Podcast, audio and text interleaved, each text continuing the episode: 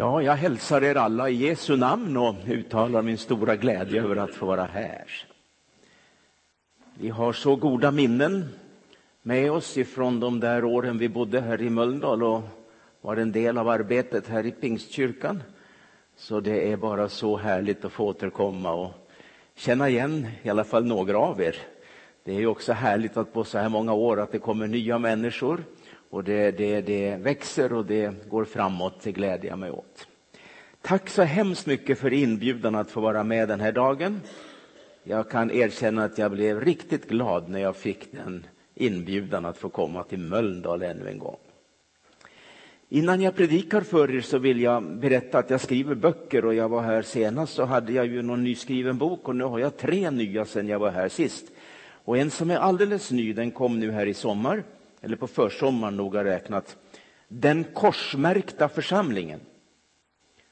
Den har jag fått mycket tack för och många som har kontaktat mig och det är också de som har skrivit om den och, och eh, säger att den här behövs idag därför att kyrkan måste få vara märkt med ett DNA som harmonierar med kyrkans djupa och viktiga karaktär som är Jesu Kristi kors och ingenting annat.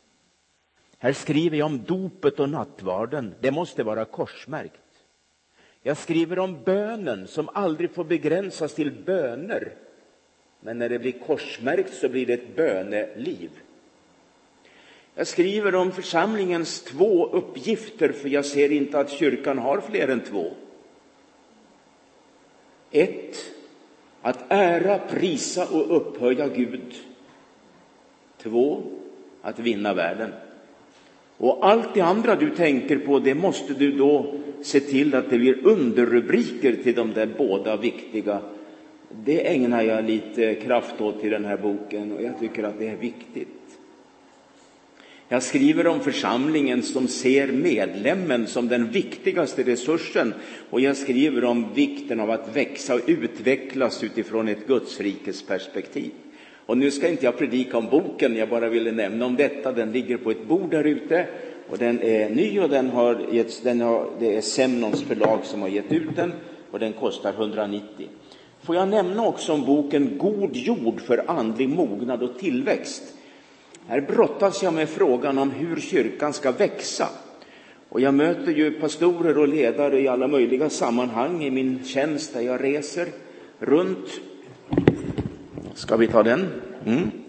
När jag reser runt i hela Sverige och predikar evangelium. Eh, och, eh, och det finns många olika idéer om det, hur det ska växa och utvecklas. Om man bara ändrar kyrkolokalen och får ett svart skynke över korset här framme, då blir det nog bättre. Om man lägger bort den där gamla sångboken Segertoner och blir lite modernare i sin stil. Och de där gamla äldstebröderna, de är mest bara bromsklossar, så bort med dem och få in ett ledarskap som begriper vad det handlar om. Men det har inte hjälpt. Vet ni, jag kommer fram till i den här boken i ett antal kapitel att om församlingen ska växa så är det den enskilda medlemmen som utvecklas. Så nu behöver ni inte köpa boken, för nu fick ni reda på det i alla fall. Men det finns lite mer att läsa i den. Den kostar 150. Och jag har också en bok med mig om Jesu återkomst, ett ämne som jag har återupptäckt och studerat mycket sista tiden. Och jag blir uppmuntrad att undervisa på många håll i det här ämnet som i många kyrkor är mycket marginaliserat och nästan bortglömt. Men eh, de profetiska skrifterna står ju kvar i Bibeln och vi väntar på att Jesus ska komma tillbaka. Och vill du ta reda på min förkunnelse och, och, och, min undervisning i det ämnet så är det den där boken, den kostar också 150. Och då är det så att köper du de där båda, då får du den gratis. Fattar ni vad billigt det blir för en sån bra bok? För jag har skrivit den själv, så det vet jag ju att den är bra. Men vill du inte köpa den om Jesu tillkommelse, då behöver du inte köpa den, då köper du de här båda istället. Och då får du den gratis. Så det blir ju samma sak, eller hur? Hur vi än vrider och vänder på det. Nu säger jag inte mer om det där, utan titta gärna på bordet här ute i foajén. Och du kan betala kontant eller med swish eller ett inbetalningskort, så det finns alla möjligheter. I Jesu namn läser vi Herrens ord. Första Korintierbrevet 1 och 18. Ty detta budskap om korset är en dårskap för den som blir förtappade. Men för oss som blir frälsta är det en Guds kraft. Amen. Den här versen har jag läst och predikat över många gånger. Det har jag gjort under de fladdrande vita tältdukarna i små bönehus i Norrland och stora katedraler i stora städer. Jag har predikat om det i de stora fotbollsarenorna i många länder där jag har mött de stora skarorna. Och jag har sagt att det finns en kraft som frälsar oss i Jesu kors. Och jag tänker fortsätta med det. Även om det här riktades till en kristen kyrka från allra första gången. Det var den lokala församlingen i staden Korint som behövde höra det här. Och ändå ligger det i evangeliets anda att vi predikar det till alla människor. För den här kyrkan som var väldigt karismatisk, de stod inte tillbaka i fråga om någon nådegåva. Så tala om en riktig pingstkyrka eller en sån här karismatisk kyrka, det var den här. Och ändå hade de problem. Det var en splittrad församling. Några få versar innan det vi läste så framgår det att Paulus hade fått reda på att de var en splittrad församling i fråga om vilken predikant de tyckte var bäst. Och den eh, splittringen har funnits i alla tider och den finns också idag. Någon sa där att vi håller på Paulus i vår tanke. Och vi är många som tycker så, så det så brukar man säga efteråt. Vi anser att Paulus är den största av apostlarna och honom borde vi få hit och höra. Ja, sa en annan falang. Vi tycker nog inte att Paulus är någon riktig apostel, så vi håller mer på Kefas. Det är den där grundläggande teologin och det där är en sån där stabil broder som vi behöver ha här nu efter allt vad vi har varit med om. En tredje falang underkände båda de här och sa Apollos är vad vi behöver. Ni förstår att Apollos, det är en sån där mjuk broder. En sån där kramgod predikant som förstår oss när vi har bekymmer och som kan själavårda oss och, och som kan sitta hur länge som helst med någon som har det problematiskt. Och en fjärde falang var så trött på alla predikanter och allt prat så de sa, vi vill bara ha Kristus vi. Inte vet jag vem som predikade i den kyrkan, men de hade förmodligen bara vittnesbördsmöten där kanske då. I alla fall, så måste vi väl säga att Paulus var kontroversiell. Eh, vi vet av apostlagärningarna att eh, den som skulle få bli en apostel måste ha sett Jesus med egna ögon under de 40 dagar mellan Jesu Kristi uppståndelse från de döda och hans himmelsfärd. Och då var inte Paulus en gång frälst, så hans vittnesbörd kunde ju inte tas på allvar. Nej, han var ingen apostel. Och ändå hävdar han sitt apostlaskap. I samma brev, första Korinthierbrevet, så säger han i det nionde kapitlet, är inte jag en apostel? Har inte jag sett Herren Jesus Kristus? Är inte ni mitt verk i Herren? Sannerligen, jag är en apostel. Och då låter han oss förstå att också alla vi andra som inte var med under de där 40 dagarna, för ingen enda här i mötet var med på den tiden och såg Jesus med egna ögon, vi räknas också. För vi har nämligen sett honom genom trons ögon. Och vi har sett honom i ordet. Jag ser i ordet hans sköna bild. Kommer ni ihåg den sången?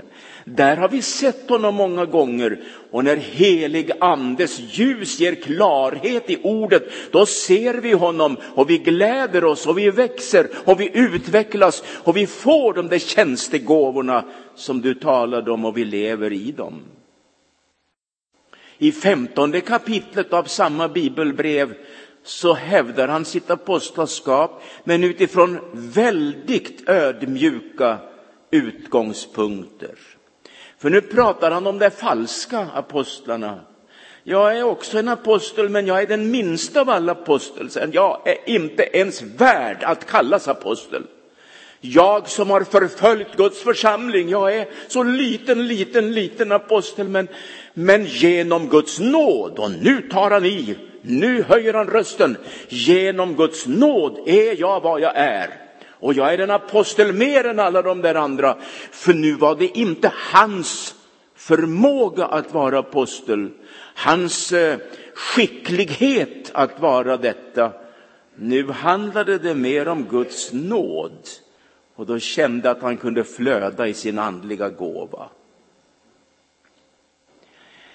Så Guds kraft genom korset behövdes rakt in i den församlingsmiljö där de var en smula splittrade.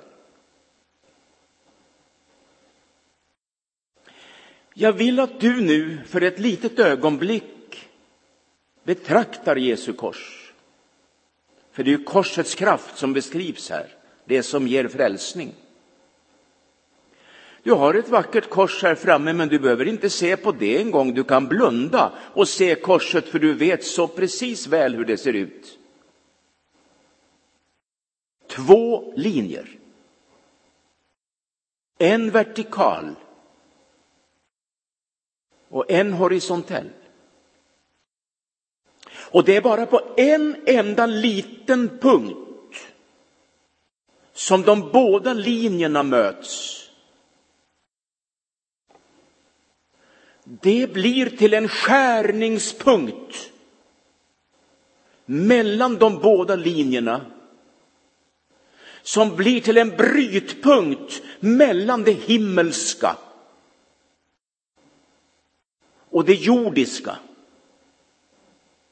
Skärningspunkten som förlöser någonting mellan det gudomliga och det mänskliga. Som leder oss fram till en mötesplats mellan det eviga och det timliga.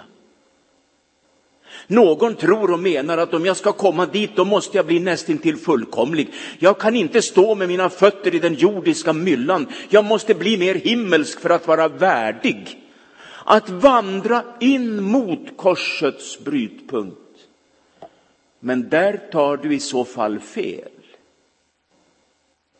Korset restes ju för de svaga. Korset är ju till för de splittrade.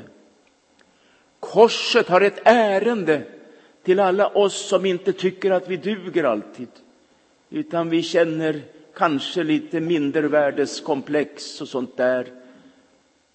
Korset är till för oss. Och då blir korset som förmedlar kraften, det blir det jordnära korset. Jordnära. Det hängde inte bland molnen, långt upp i det blå. Korset var djupt förankrat ner i den mylla som fanns precis där, strax utanför Jerusalem. Och alla som lyssnar på mig idag har sin egen jordmån, sin egen mylla. Och där kan du tala din dialekt. Om du är från Göteborg eller trakterna här runt omkring så har du din Göteborgsdialekt. Och den ska du fortsätta med. Och det finns ju en och annan dalmas här, det känner jag väl till. Var rädd om dialekten, kära ni. Blanda inte upp den med något annat. Stå i din mylla med alla de frågor och alla de spörsmål och allt det som är du. Och där finns brytpunkten mellan det himmelska och det jordiska. Amen. Ja, jag sa inte amen för att det var slut. Jag sa det för att jag tyckte det var så bra. Jag ser på den där horisontella linjen att människorna finns där.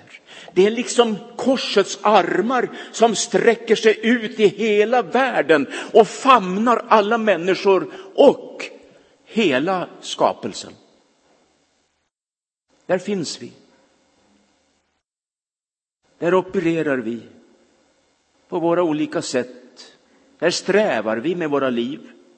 Och jag ser till min glädje att många är på vandring in mot korsets centrum.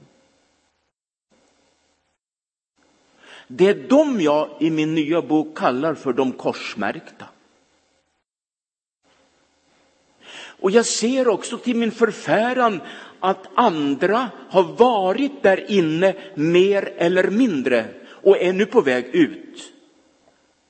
De sekulära, den sekulariserade kyrkan. Som har gjort upp med korset men har kvar det religiösa. Som har gjort upp med kraften men vill ha kvar allt det där andra som ändå skapar en viss fromhetsriktning och kanske en viss trygghet. Men den som vill förlösa kraften måste vara på väg in mot korsets centrum, för det var där kraften fanns för de som blir frälsta. Så läste jag. Ja, men vi är väl frälsta? Ja, visst. Men också vi som är frälsta blir frälsta. För när du blev frälst och du kan vittna om det och många vet exakt dag och stund och kanske timme och vet precis vilken första bänk du eller botbänk du böjde dig vid. Eller om det var ute i naturen eller kanske i en segelbåt ute på havet. Inte vet jag. Men det är många olika varianter på temat. Men du blev frälst och född på nytt. Men det var bara startskottet på en livslång vandring som tidvis tydligt har varit en vandring in mot korset för att förlösa mer av korsets kraft för din helgelse, för din tro, för din andliga mognad, för din tjänst och din diakoni. Och andra perioder i livet har det präglats mer av religiös ytlighet, vilket i praktiken har inneburit att du har varit i någon, mån på, i, i någon mån på väg ut från detta centrum. När Jesus talar om den yttersta tiden i Matteus 25 så beskriver han detta utifrån en eskatologisk övertygelse, läran om den yttersta tiden. Tio jungfrur varav fem var på väg in och fem var på väg ut. Så tanken är faktiskt i harmoni med Jesu Kristi undervisning själv.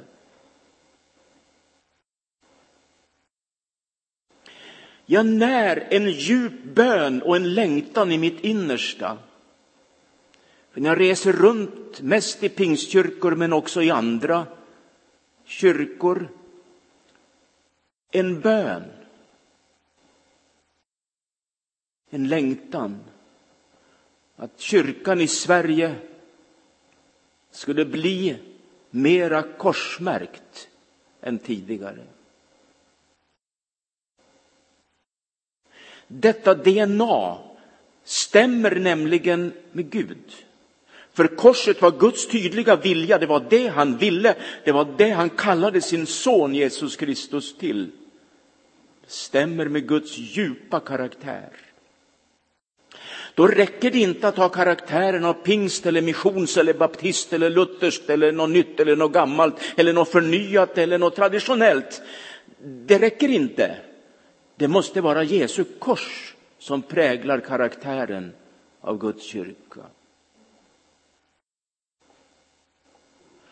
Och när jag är på vandring in mot korsets brytpunkt är jag på vandring in mot den förnyelse som förändrar mitt liv och fördjupar mitt kristna liv och hjälper mig att förstå sammanhangen utifrån den största av alla kärlekar, nämligen agape, Guds kärlek.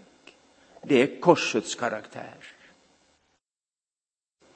Låt mig mot slutet av min predikan, för det här är en sån lång predikan så den fortsätter klockan 18 ikväll. Dröja något lite om korsets karaktär. För den som är på vandring in mot den där brytpunkten är på vandring in mot korsets karaktär. Då handlar detta om någonting mycket större än ett krucifix som har till uppgift att pryda ett kyrkorum eller ett andaktsrum. 1. Korsets karaktär är förlåtelse. Fader, förlåt dem, för de vet inte vad de gör. Så bad han. Hängande på ett kors mellan himmel och jord, så bad han att Gud skulle förlåta dem som hade gjort allt detta onda mot Jesus. Den människa som är på vandring in mot korsets brytpunkt lär sig att ge förlåtelse och att be om förlåtelse lär sig att förlåtelse är inte något trix eller något knep att bli, bli av med ett bekymmer eller en dålig relation. Det är nämligen någonting att öppna upp för korsets väldiga kraft till frälsning. Det betyder räddning, hjälp i den situation som är för handen. Många äktenskap idag skulle behöva ta varandras händer, man och hustru, och på nytt vandra in mot korsets centrum. I förlåtelsens ljus finns den kraft som ger upprättelse.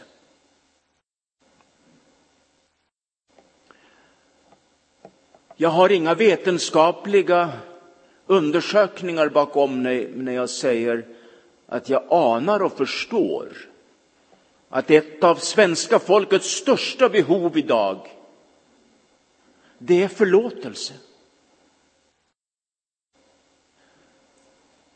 Det är inte alla som förstår det eller kan uttrycka det med de orden. Det handlar nämligen om en existentiell skuld vi bär på. Om man tänker om jag skickar hundra kronor till Röda Korset och lite mer till någon annan Lutherhjälp eller vad det heter, alla biståndsorganisationer, så kanske Gud ser mig att jag gör något gott och jag kanske skulle kunna må lite bättre än vad jag gör. Det är att betala av på sin skuld inför Gud.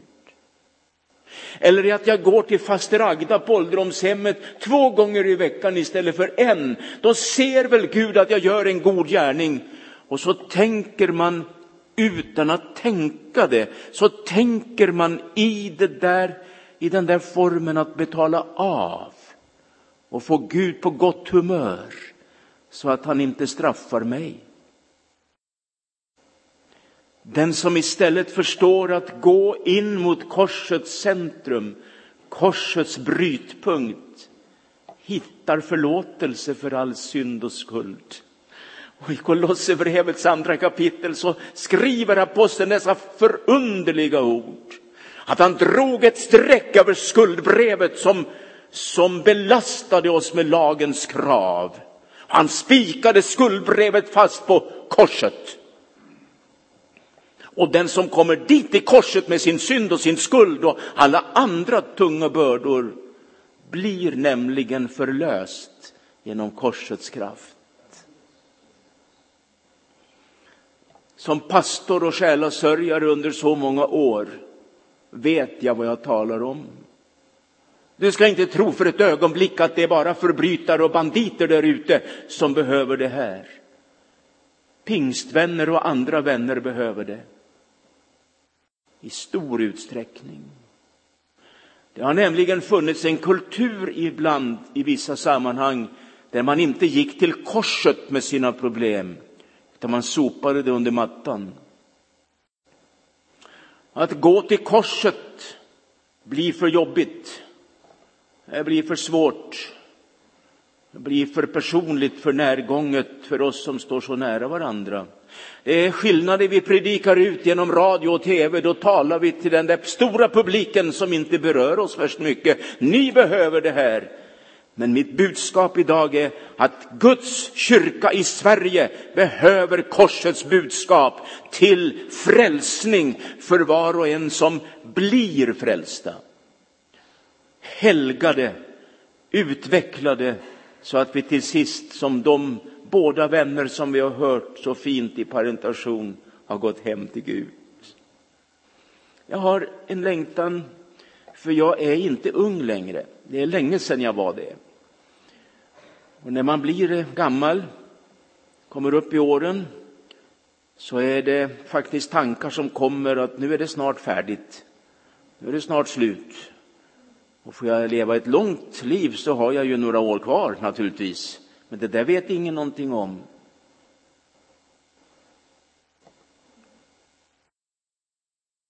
Det jag längtar efter som person och för min familj och för mina vänner det är Jesu kors som skulle betyda mer för mig än allt det som den här världen rymmer.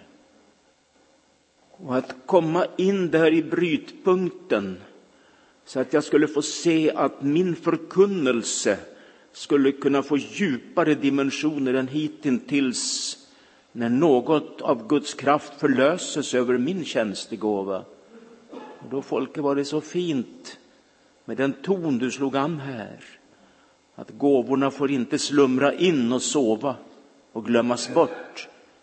Men där inne i korsets brytpunkt så kommer kraften som skapar en uppståndelse till alla slumrande nådegåvor i Guds kyrka. Och det blir en ny rörelse som inte bygger på att vi får hit världens mest kända predikant i Amerika, utan här har vi de i församlingen som ska bli vitaliserade, förnyade, fördjupade genom kraften som förlöses i den brytpunkten. Nummer två. Där finns karaktären av Jesu Kristi försoning. Johannes skriver i sitt första brev om detta att Jesus är försoningen för våra synder. Det är vi som är i församlingen det, vi som är kristna. Vi har också synder som vi behöver klara ut. Det är inte syndfritt. Vi snubblar ibland och vi tänker fel och vi måste leva nära Jesus hela tiden. För våra synder, men inte bara för våra, utan för hela världens. Att vara försonad med Gud innebär att jag har kommit in i korsets närvaro så djupt så att brytpunkten och skärningspunkten har förlöst en kraft för mig. Så allt det som låg mellan mig och Gud och skapade distans, det är borta, finns inte mer. Jag är försonad med Gud.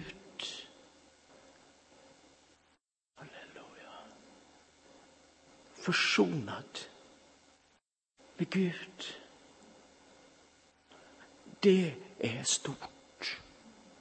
Och när jag är försonad med Gud genom Jesu kors, då blir jag också försonad med mig själv.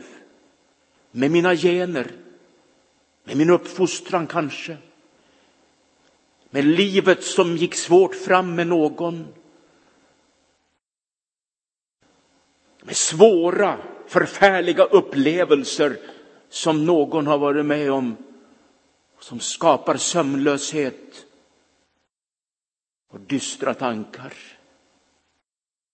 Men nu är du försonad med Gud. Och då blir du också försonad med dig själv. I Markus 5 läser vi om mannen som var besatt av onda andar så till den grad att han kunde inte leva med sin familj. Han levde på en begravningsplats. Och när Jesus kom dit såg han en stackars krake som var så sargad på hela kroppen för han sprang naken bland gravarna där. Och han hade sargat sin kropp med vassa stenar. Blodet rann och det var ärr över hela kroppen. Så befriar han den mannen från onda demoner. Då läser jag i den texten en sån vacker tavla. Det är så otroligt vackert. Mannen satt vid Jesu fötter, klädd och vid sina sinnen. Det är härligt. Då är man försonad, inte bara med Gud, utan med sig själv.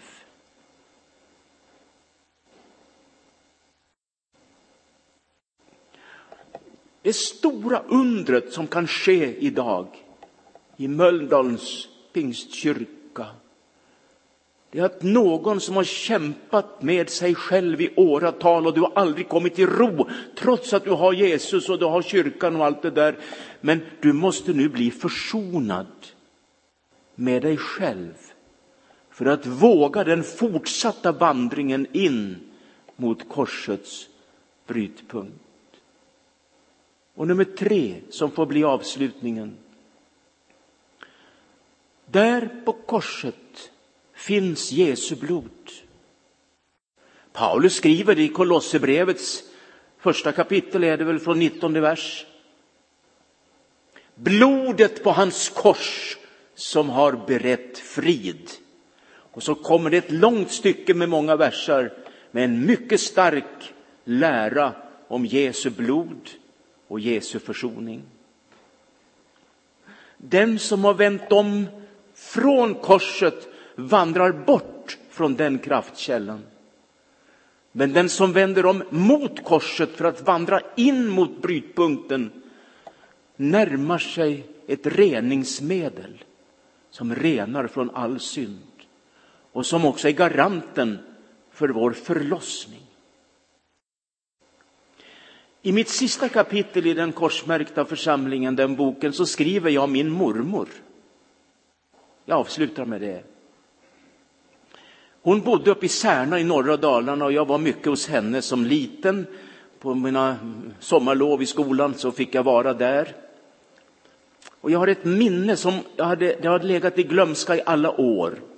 Men när jag skulle förbereda en predikan om himlen för en tid sedan så kom den där barndomshändelsen och minnet från mormor och det blev så starkt för mig. Lördag eftermiddag var det. Mormor hade i sitt hus i köket ett stort bondkök. Och det var inga moderna korkmattor eller andra sorters mattor utan det var rejäla golvtiljor. De var så här breda må ni tro. Och sen när nästa generation skulle bo där så skulle det på med korkmattor och allt modernt och det var ju förfärligt illa att ha ett sånt fint golv. Lördag eftermiddag såg jag mormor med en hink varmt vatten. I sin hand hade hon ett paket, det var grönt till färgen. Och det var en ren avbildad med horn. Och jag läste, för jag var så gammal så jag kunde läsa i alla fall. Rensåpa stod det på det. Och jag såg hur mormor tog tummen ner i såpan, en rejäl klick och lade på rotborsten eller skurborsten. Och så gick hon diagonalt över golvet för nu fanns det varken stolar eller bord för det hade hon satt i ett annat rum tillfälligtvis. Och så böjer hon knä längst in i hörnet. Och så ser jag hur hon kryper på alla fyra och hon, hon, hon skurar golvet med handen och så doppar hon ner i det varma vattnet och så lite mera såpa och så gick hon igenom hela golvet. Och när allt var klart och jag hade stått och betraktat detta hela tiden med stort intresse på tröskeln där. Då tittar hon på mig djupt in i mina ögon. Och så säger hon, det ska du veta pojk att det måste vara rent i huset innan kyrkklockorna ringer in sabbaten och det sker klockan sex. Då sitter jag där och förbereder en predikan om himlen. Det måste du veta pojk. Då kom det från minnet mormor, såpan, hinken, golvet och hennes ord till mig. Innan kyrkklockorna ringer in sabbaten måste det vara rent i huset.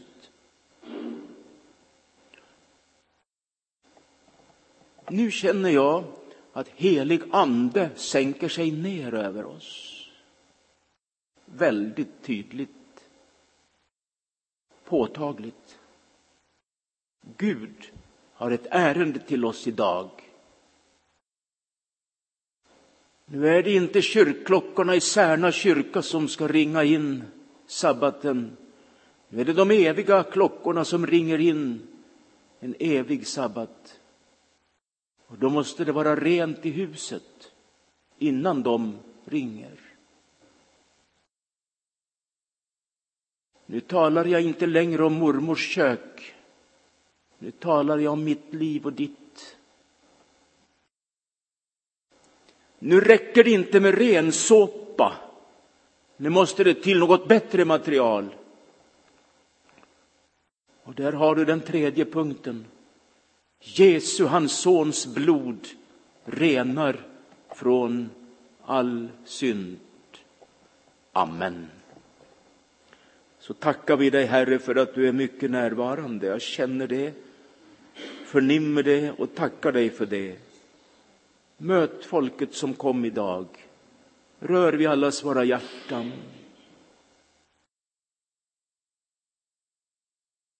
Låt alla här få vara korsmärkta och att denna kyrka därmed får bli en korsmärkt församling.